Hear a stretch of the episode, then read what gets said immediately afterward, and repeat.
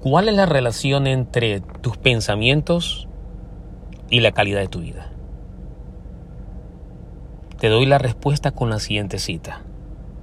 Cuando tú cambias la forma en que tú piensas, tú puedes en última instancia cambiar la calidad de tu vida. Cuando tú cambias la forma en que tú piensas, tú puedes en última instancia cambiar la calidad de tu vida.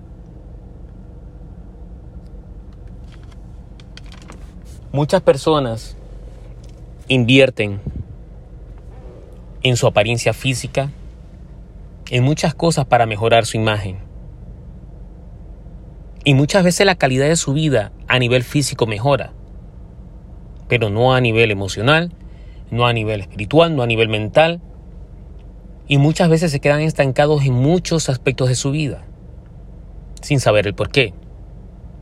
Pero tú tienes que tener algo en claro, que la calidad de tu vida está directamente relacionada con tus pensamientos, con la forma en que piensas, con tu filosofía de vida, con tu perspectiva. Asimismo como cuidas tu apariencia física, debes de cuidar tu mente porque al final del día lo que va a mejorar la calidad de tu vida, lo que va a mejorar tu estilo de vida, lo que va a mejorar tu vida a nivel personal y profesional es como tú piensas, es tu mentalidad. Así que alimenta tu mente.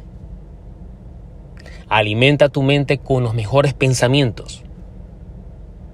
Escucha cosas positivas. Lee cosas positivas. Lee cosas y escucha y ve cosas que alimenten tu mente de tal forma que se refleje en tu vida.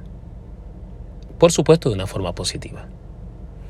Así que recuerda, de la forma en que tú piensas, así será tu vida. De la forma como tú piensas, así serán tus acciones. De la forma en que tú piensas, así serán tus resultados.